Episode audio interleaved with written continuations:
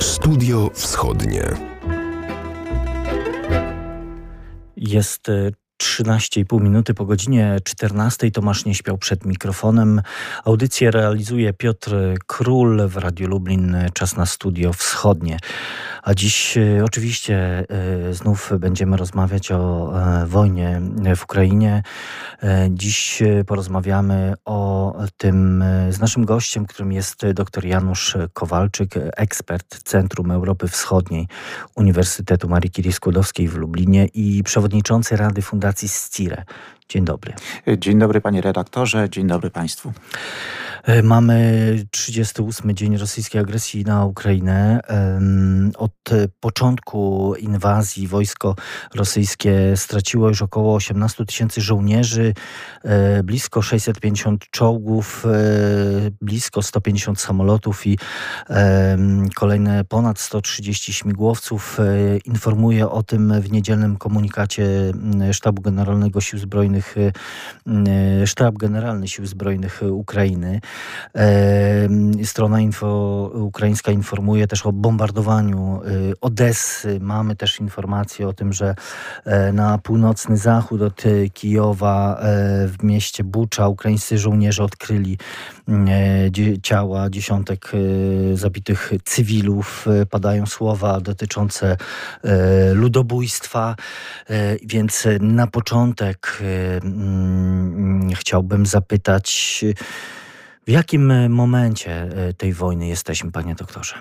Panie redaktorze, wojna rozpoczęta, czy pełnoskalowa wojna, bo ona trwa tak naprawdę od 2014 e, roku. I o tym też powinniśmy między, tak, przypominać. Tak, oczywiście, oczywiście yy, no, siłą rzeczy mówimy o, o tych działaniach, które no, są już na pełną skalę. To tak. tutaj już nie ma żadnych wątpliwości. Tak, Nawet osoba, która chciałaby mm, ukryć to, że wojna ta toczy się od y, 8 lat, to tutaj nie ma żadnej wątpliwości. To są po prostu regularne starcia zbrojne y, z udziałem artylerii, z udziałem E, rakiet, e, lotnictwa, piechoty, wszelkich formacji, e, formacji wojskowych.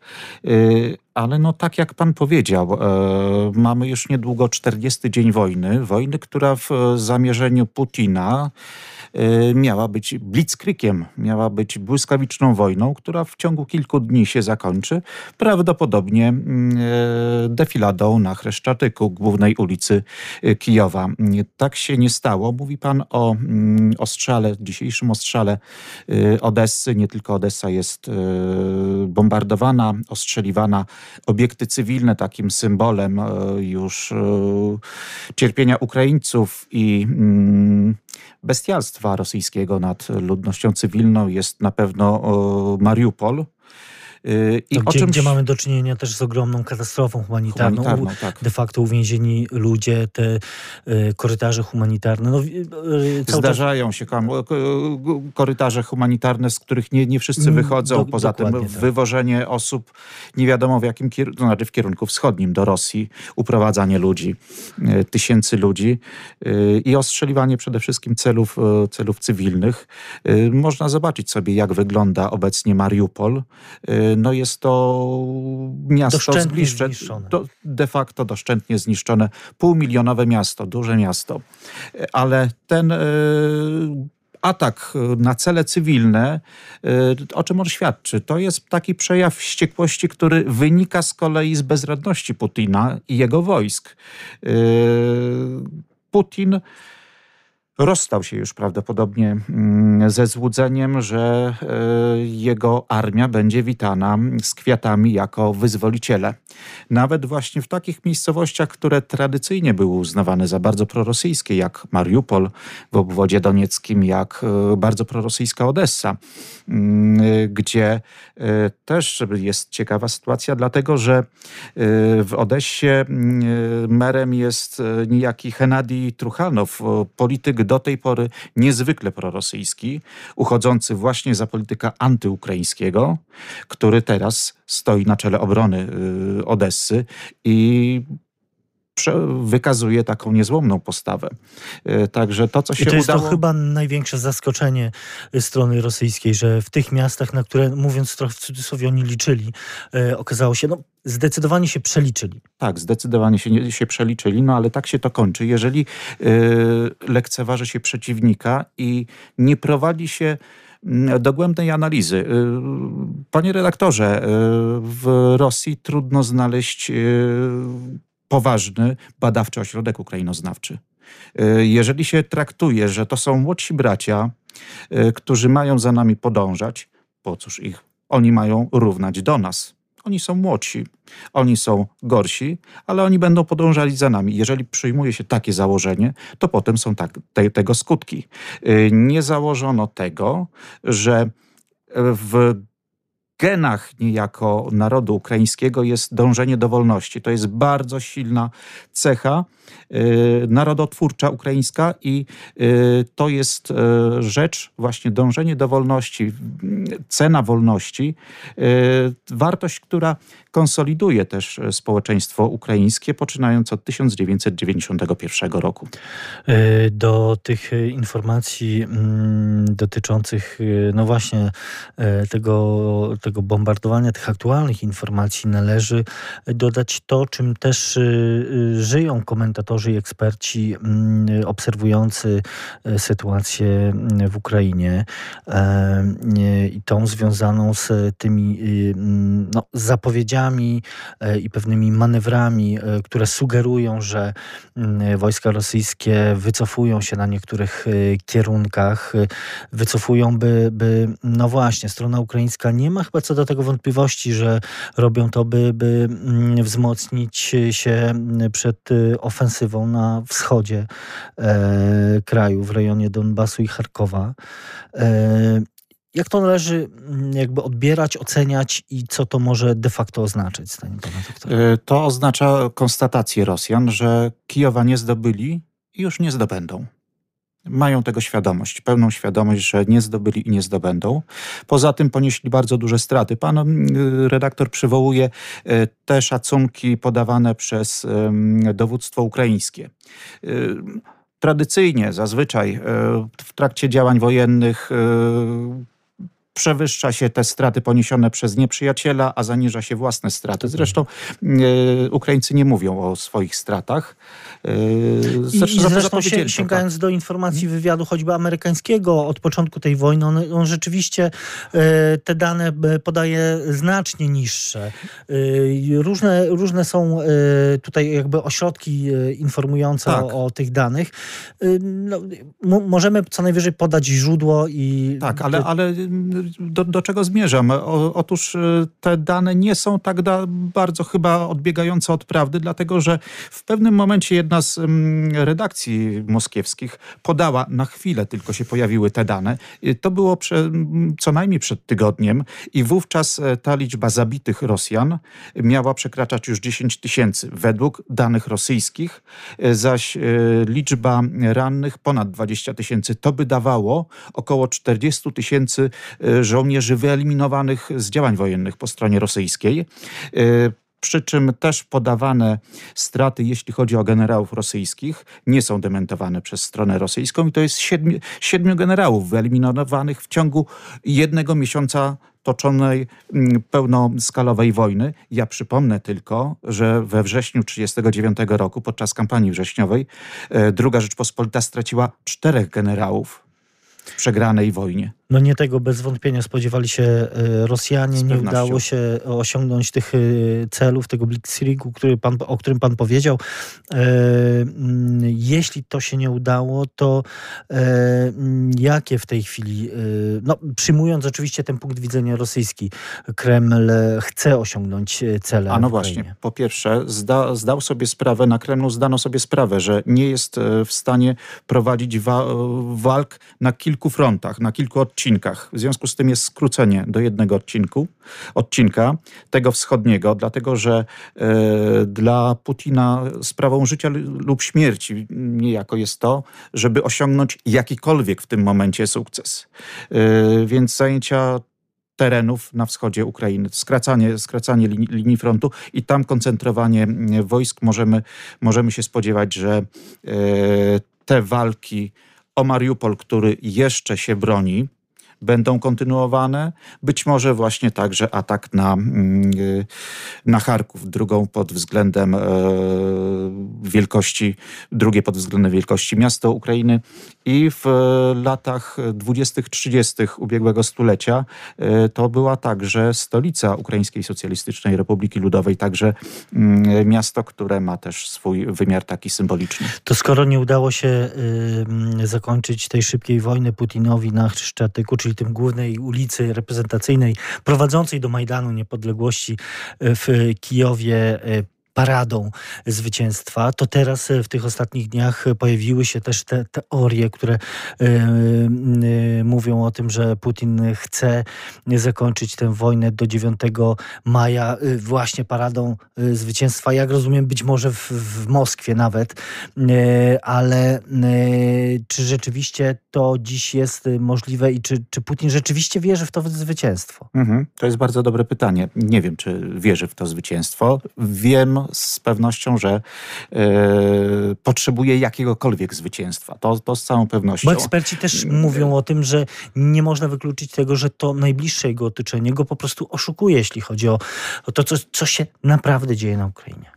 No, umówmy się, jest jednak doświadczonym oficerem jeszcze KGB. W związku z tym myślę, że. Mm, jednak potrafi dotrzeć do informacji, nawet tych ogólnie dostępnych y, i, i analizować.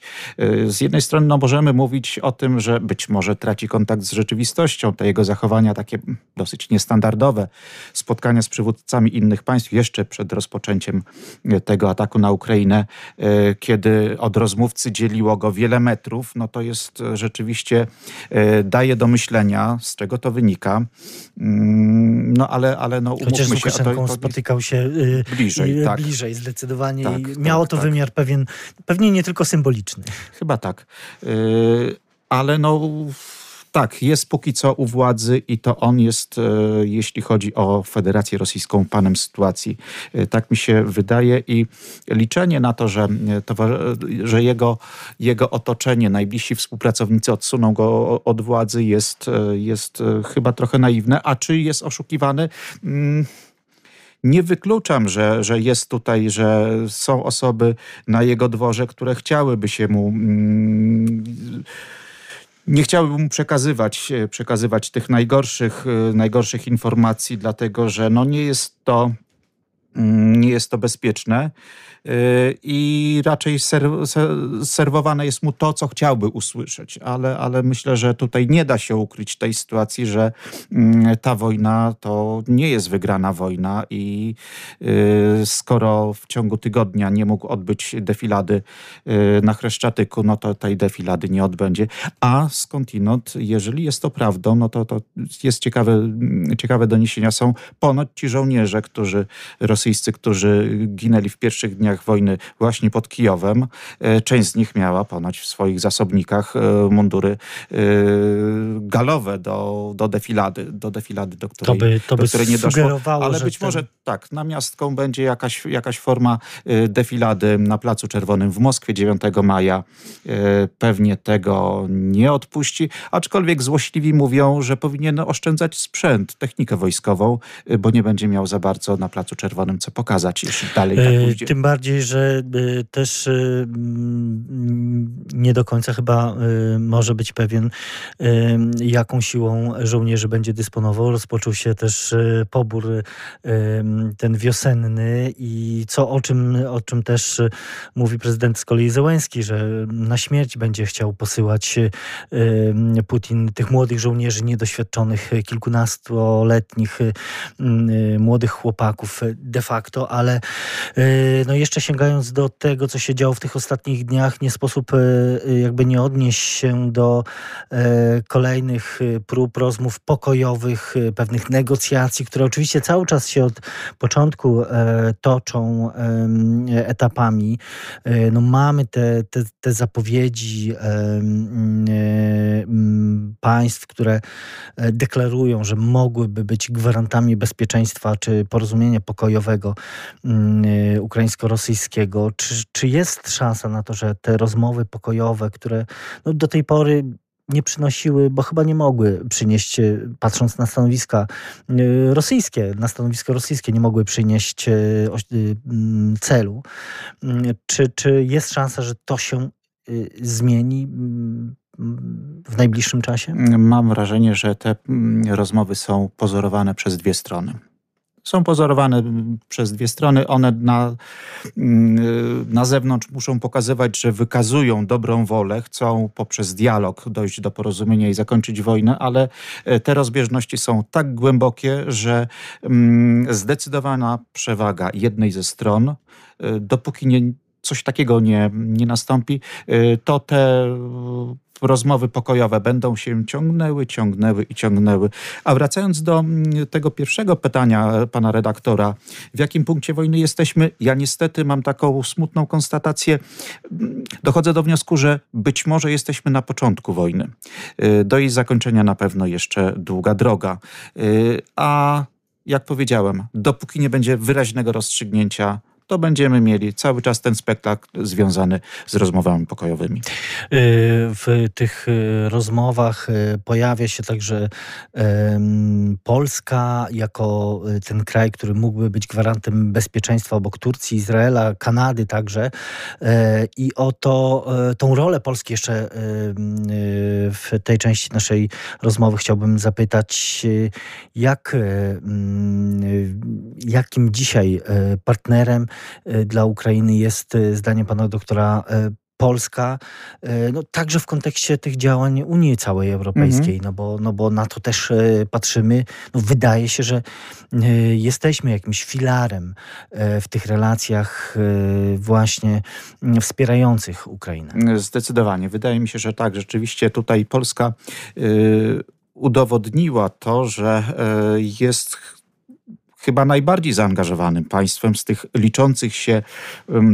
Polska jest tym państwem średnim, średniej wielkości, czy też dużym państwem europejskim yy, i ona nadaje ton ona czasami wyprzedza, mm, wyprzedza e, te decyzje e, Unii Europejskiej. Polska jako gwarant bezpieczeństwa, e, no umówmy się, nie mamy takiego potencjału, żebyśmy mogli gwarantować bezpieczeństwo militarne Ukrainie. To może być jakaś gwarancja polityczna, ale też przypomnijmy, e, w 1994 roku e, to takie potęgi jak Stany Zjednoczone, Wielka Brytania, e, ale i Federacja Rosyjska gwarantowała nienaruszalność terytorium Ukrainy za zrzeczenie się głowic jądrowych. Te deklaracje no, no właśnie, widzimy, ta, widzimy skut, skut, od 8 skutki, lat. skutki jakie są, a też wracając do tych rozmów pokojowych, no nawet jeżeli uznamy, że zakończą się podpisaniem jakiego, jakiegoś dokumentu, co, co on będzie wart w kontekście właśnie e, tego dokumentu podpisanego przed e, w 1994 roku w Budapeszcie. E, owszem, w naszej europejskiej mm, cywilizacji takie, mm, są takie wartości jak pacta sunt servanta, czyli zasada, że e, umowy, umów należy dotrzymywać, e, ale mm, partnerem Ukrainy nie jest państwo europejskie, tylko państwo, gdzie cywilizacja sięga, e, sięga akurat głęboko stepów, głębokich stepów azjatyckich, gdzie przechytrzyć przeciwnika to jest właśnie cnota, a nie dotrzymywanie, a nie honor i dotrzymywanie umów. E, a mówi to dr Janusz Kowalczyk, ekspert Centrum Europy Wschodniej UMCS i przewodniczący Rady Fundacji SCIRE. Do naszej rozmowy z panem e, doktorem Kowalczykiem w Studiu Wschodnim wracamy za kilka chwil. Studio Wschodnie. Studiu Wschodnim wracamy do rozmowy z doktorem Januszem Kowalczykiem, ekspertem Centrum Europy Wschodniej UMCS i przewodniczącym Rady Fundacji SCIRE. Rozmawiamy o Ukrainie. Po tym takim wprowadzeniu, można powiedzieć, stricte wojennym, militarnym, chciałbym teraz, żebyśmy porozmawiali o kwestii oczywiście łączącej się z tymi wydarzeniami wojennymi, ale kwestiach duchowych. E, e, zwierzchnik cerkwi prawosławnej Ukrainy, metropolita Epifaniusz, wezwał wiernych do odchodzenia ze struktury ukraińskiej cerkwi prawosławnej patriarchatu moskiewskiego stwierdził, że rosyjscy żołnierze zrzucają na was rakiety i bomby przy obłudnym błogosławieństwie patriarchy Moskwy i całej Rusi Cyryla. E, jak na to wezwanie odpowiedzieli e, wierni i jak w ogóle wygląda sytuacja Kościoła prawosławnego na Ukrainie w związku z trwającą wojną? E, zacznijmy od tego, że mamy dwie struktury prawosławne na Ukrainie. To jest z jednej strony mamy ukraiński Kościół prawosławny pozostający w jurysdykcji patriarchatu moskiewskiego, a z drugiej strony mamy mm, Kościół Prawosławny Ukrainy, na której e, czele stoi właśnie wspomniany przez pana redaktora metropolita Epifaniusz, bardzo młody mm, hierarcha, dlatego że e, liczący zaledwie 43 lata, młody, dynamiczny e, hierarcha. I jest to kościół, który został, który uzyskał autokefalię ze strony Konstantynopola a patriarcha Konstantynopola ma honorowe, honorowe pierwszeństwo w świecie prawosławnym y, i ta autokefalia została oficjalnie uznana przez mm, oprócz konstantynopolski, to także konstantynopolitański, także przez grecką, aleksandryjską i cypryjską mm, cerkiew prawosławną. Wiemy, że też inne, co najmniej dwie e, cerkwie, inne mm, autokefaliczne są bardzo blisko do uznania e, tej autokefalii. Tak czy inaczej mamy dwie struktury e, rozpoczęcie na pełną skalę mm, operacji wojennej y, przez Federację Rosyjską, ale także postawa zwierzchnika, mm, zwierzchnika rosyjskiego prawosławia, metropolity y, Gundajewa, y, Cyryla Gundajewa, to taki kubel zimnej wody na głowy tych e, hierarchów, tych kapłanów duchownych, którzy pozostali, ale także i wiernych, którzy pozostali w jurysdykcji mm, kościoła e, moskiewskiego i e, nie mamy dnia od chwili e, rozpoczęcia agresji z 24 lutego, nie mamy praktycznie dnia, kiedy e, kilka czy kilkanaście wspólnot prawosławnych przechodzi z jurysdykcji moskiewskiej do Kościoła Prawosławnego Ukrainy. Także ten odzew jest. Z drugiej strony no jest duże zamieszanie po stronie hierarchów, mm, hierarchów Kościoła Moskiewskiego. 15 z nich oficjalnie, w sposób oficjalnie na piśmie stwierdziło, że w ich eparchiach, odpowiedniki naszych biskupstw, diecezji, przepraszam, e, nie będzie wspominane imię patriarchy Cyryla.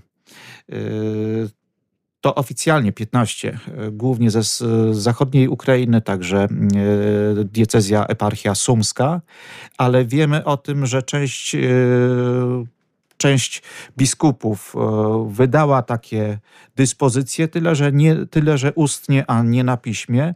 Poza tym często robią to sami kapłani, którzy nie wspominają podczas liturgii imienia Cyryla. Stąd też y, wiele komentarzy i zresztą jeden z moskiewskich nawet publicystów y, stwierdził, że rosyjska cerkiew y, prawosławna straciła Ukraina, czy, Ukrainę. Czy, czy rzeczywiście tak jest albo mm, może tak być? W dużej być? mierze tak.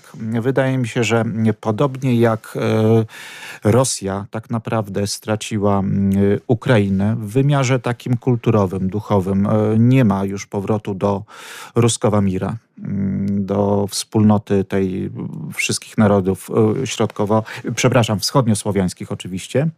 E, ja sobie mogę wyobrazić oczywiście, że militarnie można podbić Ukrainę, e, ale stworzenie to, co jest marzeniem Putina, bo on to w tamtym roku mm, expressis verbis przedstawił, że no, Owszem, tak, Ukraińcy, Białorusini, Rosjanie są jednym narodem. Nie, nie są i już nigdy nie będą. Z całą y, pewnością. Y, do tych y, wydarzeń dochodzi też taka najnowsza inicjatywa deputowanych rządzącej partii Sługa, Sługa Ludu. Inicjatywa związana z projektem ustawy, który ma zakazywać działalności moskiewskiego patriarchatu właśnie.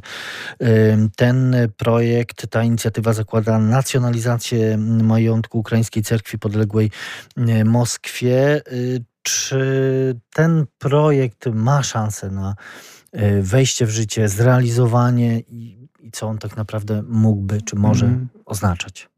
E, po pierwsze, to tutaj mamy kilka aspektów e, bardzo ciekawych.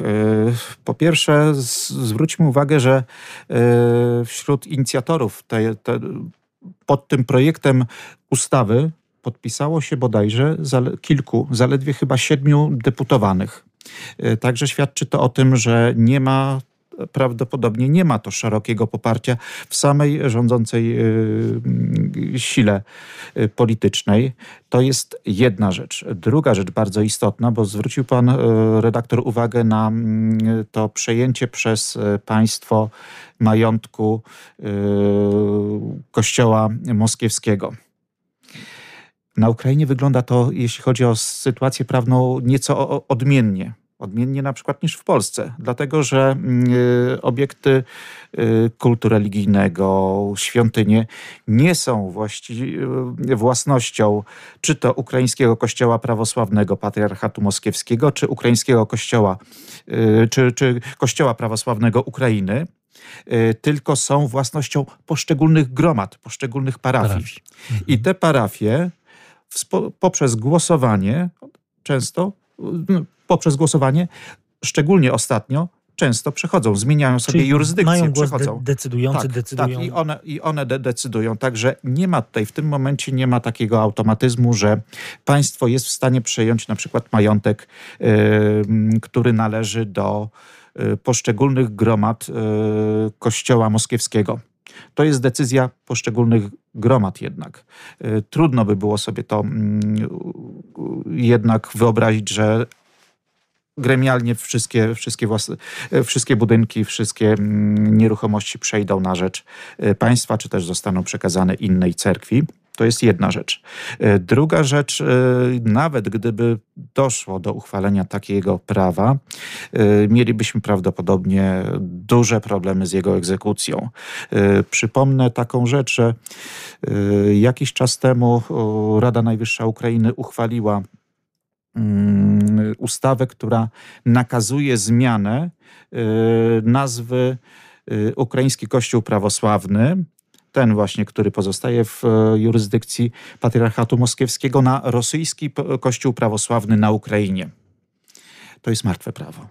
To jest martwe prawo, nie jest to stosowane i nikt nie jest w stanie zmusić drugiej strony. Jest też taki y, socjologiczny, wydaje mi się, problem. Um, Ukraina prowadząc wojnę potrzebuje pełnej jedności i ona zachowuje naprawdę, społeczeństwo ukraińskie zachowuje bardzo daleko idącą y, zgodę i jedność.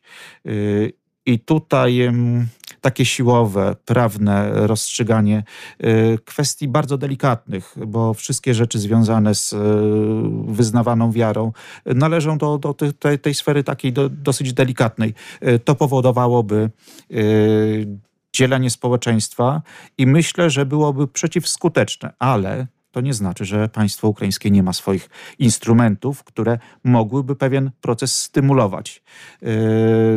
No właśnie, jakie to mogą być? Na przykład, na, na, przykład yy, mamy kilka najważniejszych yy, klasztorów yy, na Ukrainie, ma status ławry.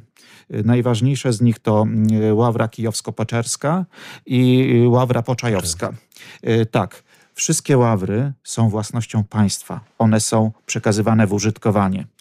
Y, tak się akurat składa, że obie wymienione przeze mnie ławry y, należą do kościoła pozostającego w jedności z patriarchatem moskiewskim i oba są bardzo silnymi ośrodkami, takimi antyukraińskimi, y, bardzo silnie nastawionymi na, na współpracę z Rosją, z Moskwą.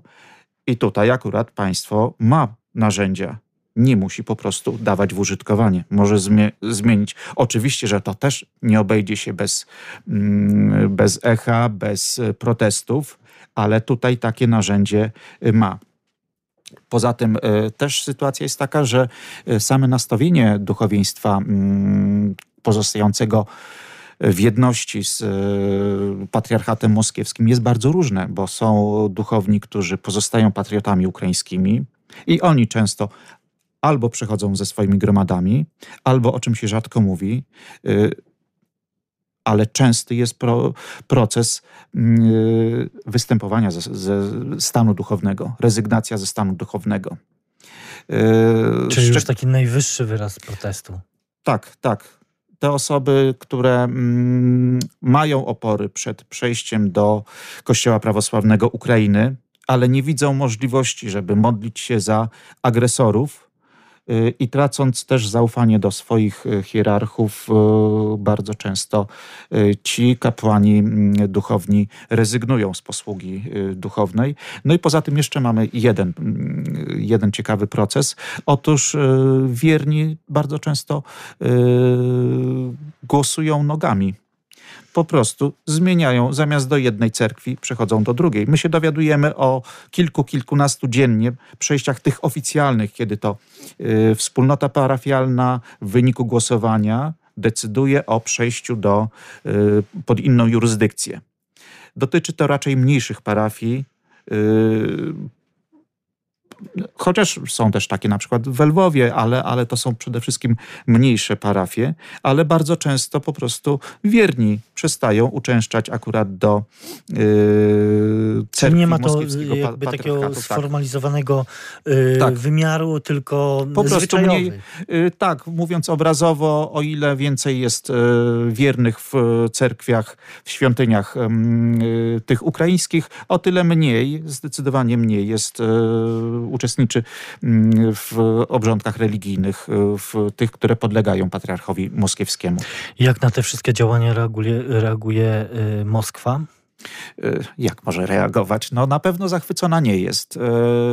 Wiemy to, że mm, patriarcha Cyryl był bardzo oburzony tym, że nie tylko duchowni, ale i kilkunastu biskupów zdecydowało z jego, z jego kościoła wszakże, y, podjęła decyzję, że nie będzie go wymieniała podczas liturgii, kiedy jest to no, w kościele prawosławnym jest to, mm, jest to norma. Y, no ale z drugiej strony, no umówmy się, y, te zachowania patriarchy Cyryla świadczą, że no nie jest pasterzem dla, dla swoich wiernych, którzy mieszkają na Ukrainie. Człowiek, który podczas liturgii błogosławi y, dowódcę Federalnej Służby Wojsk y, Gwardii Narodowej Rosji. To, to jest po prostu coś niesamowitego w jego walce przeciwko, przeciwko Ukrainie. To kuriozalny ten sprzed y, jakiś czas temu y, obraz, kiedy to generał, generał y, Wiktor Zołotow, dowódca Gwardii Narodowej Rosji, złożył oczywiście w najlepszym stylu sowieckim samokrytykę przed, przed patriarchą. Powiedział, że owszem, no niestety nasze wojska niosąc bratnią pomoc Ukraińcom, mieszkańcom Ukrainy, nie mają takich, jak powinny jeszcze sukcesów, ale będziemy dążyli dalej, no ale to chyba uzyskało rozgrzeszenie y, od patriarchy Cyryla, bo nawet nagrodził go mm, ikoną z wizerunkiem Matki Boskiej, no i oczywiście zapewnił, że pod tym przewodnictwem y, niezwyciężona armia radzie, rosyjska, przepraszam, będzie na pewno zwyciężała i będzie kontynuowała walkę metafizyczną, dlatego że y, zdaniem patriarchy Gundajewa y, wojska rosyjskie na Ukrainie prowadzą walkę metafizyczną. I także to zdaniem Cyryla, e, to Ukraina podjęła e, walkę, jak stwierdził, e, ze swoim bratem w krwi i wierze. O tak. To, to słynne słowa Cyryla. Ale porozmawiajmy zatem przez chwilę o Epifaniuszu, bo wspomniał pan doktor o tym młodym duchownym, który mm, stanął na czele ukraińskiego kościoła prawosławnego. Mm, kim jest, jakim on jest dziś przywódcą duchowym ukraińskiego prawosławia, bo, bo często już od początku tej inwazji mówimy o wielkim przywództwie prezydenta Zełęńskiego i jego prezydenturze, jak się ona zmieniła na czas, w czasie wojny, a, a jakim przywódcą duchowym Ukraińców jest Epifaniusz? Jest z pewnością bardzo dynamicznym, bardzo aktywnym przywódcą duchowym i jest autorytetem dla wielu Ukraińców, niezależnie od tego, czy są wyznawcami prawosławia. E, owszem, prawosławie jest najliczniejszą konfesją na Ukrainie, ale mamy też bardzo e, liczne różne odłamy protestantyzmu. Mamy katolicyzm w dwóch e, takich postaciach. Katolicyzm ukraiński, bizantyjsko-ukraiński, oraz rzymski katolicyzm. No i y, rzeczywiście ta postawa Epifaniusza y, budzi jego, budzi wśród mieszkańców Ukrainy bardzo duży szacunek on apeluje, mm, apeluje o to, żeby zgodnie z tradycją chrześcijańską, o to, żeby walczyć w obronie niepodległości, w obronie swoich najbliższych, w, ob w obronie y, rodaków i y, zachęca do E, do obrony mm, Ukrainy, spotyka się z żołnierzami, e, spotyka się z osobami, które ucierpiały w wyniku działań wojennych prowadzonych przez Federację Rosyjską. No i wręcz mówi, że tłumaczy wszelkie rozterki, które mogą się pojawić, że samo zabijanie agresorów w obronie nie ojczyzny jest nie jest żadnym grzechem, co, co wynika mm, z tradycji chrześcijańskiej chrześcijańskiej, y, ale co współbrzmi także z e, całą tradycją także katolicką, y, poczynając od e, świętego Augustyna, a przede wszystkim e, tutaj odwołajmy się do świętego Tomasza, Tomasza Zakwinu, który sformułował tę koncepcję wojny sprawiedliwej, która ma też swoje odzwierciedlenie na przykład w katechizmie Kościoła katolickiego, o czym z kolei no, wstyd przyznać, ale mm, biskup Rzymu, papież Franciszek, czasami y, zapomina, stawiając niejako znak równości między agresorem a ofiarą agresji i wbrew tradycji y, Kościoła katolickiego, twierdząc, że każda wojna jest tylko złem i nie może być mowy o, bo tak, to, to, to prawda, każda wojna jest złem, ale y, nie jest prawdą, że nie ma czegoś takiego jak wojna sprawiedliwa. Wojna obronna jest wojną sprawiedliwą. E, panie doktorze, to jeszcze na koniec e, pytanie o to, bo no, mamy sytuację taką, że do Polski przybyło ponad grubo, ponad 2 miliony osób z Ukrainy. To oczywiście rzesza wiernych zarówno prawosławnych, jak i e, wyznania grecko-katolickiego. Jak ci ludzie, jak te osoby odnajdują się e, w Polsce, także w Lublinie? Myślę, że bardzo różnie. No, dla wielu osób ja spotykam się z osobami, które przekraczają granice e, i różne temu towarzyszą emocje. Z jednej strony jest to, u części osób jest to ulga, że są na terenie, gdzie nie strzela się, gdzie nie wybuchają bomby wokół e, inne no po prostu podchodzą do tego, e, do tego bardziej, że tak powiem, swobodnie, ale z całą pewnością no jest też e, wojna sytuacje kryzysowe e, sprzyjają odradzaniu się czy, czy, czy wzrostowi tak, takich tendencji religijnych. Ja na przykład e, ze względu na to, że bardzo rzadko bywam w ostatnich e, tygodniach w Lublinie, no ale, ale miałem okazję odwiedzić swoją cerkiew parafialną, mm, cerkiew grecko-katolicką w Lublinie, no i widzę na przykład napływ nowych, nowych wiernych. Przed tygodniem byłem w niedzielę na, na liturgii, widzę napływ wiernych, także ci ludzie, którzy przybywają, także potrzebują takiego um, uczestnictwa w życiu religijnym. Także warto też i do tych osób wyciągać pomocną dłoń. Do wszystkich. I do wszystkich oczywiście. Tak, bardzo za dziś dziękuję naszemu gościowi, dr Janusz Kowalczyk, ekspert Centrum Europy Wschodniej UMCS i także przewodniczący Rady Fundacji STIRE. Był gościem Studia Wschodniego. Bardzo dziękuję. Dziękuję również.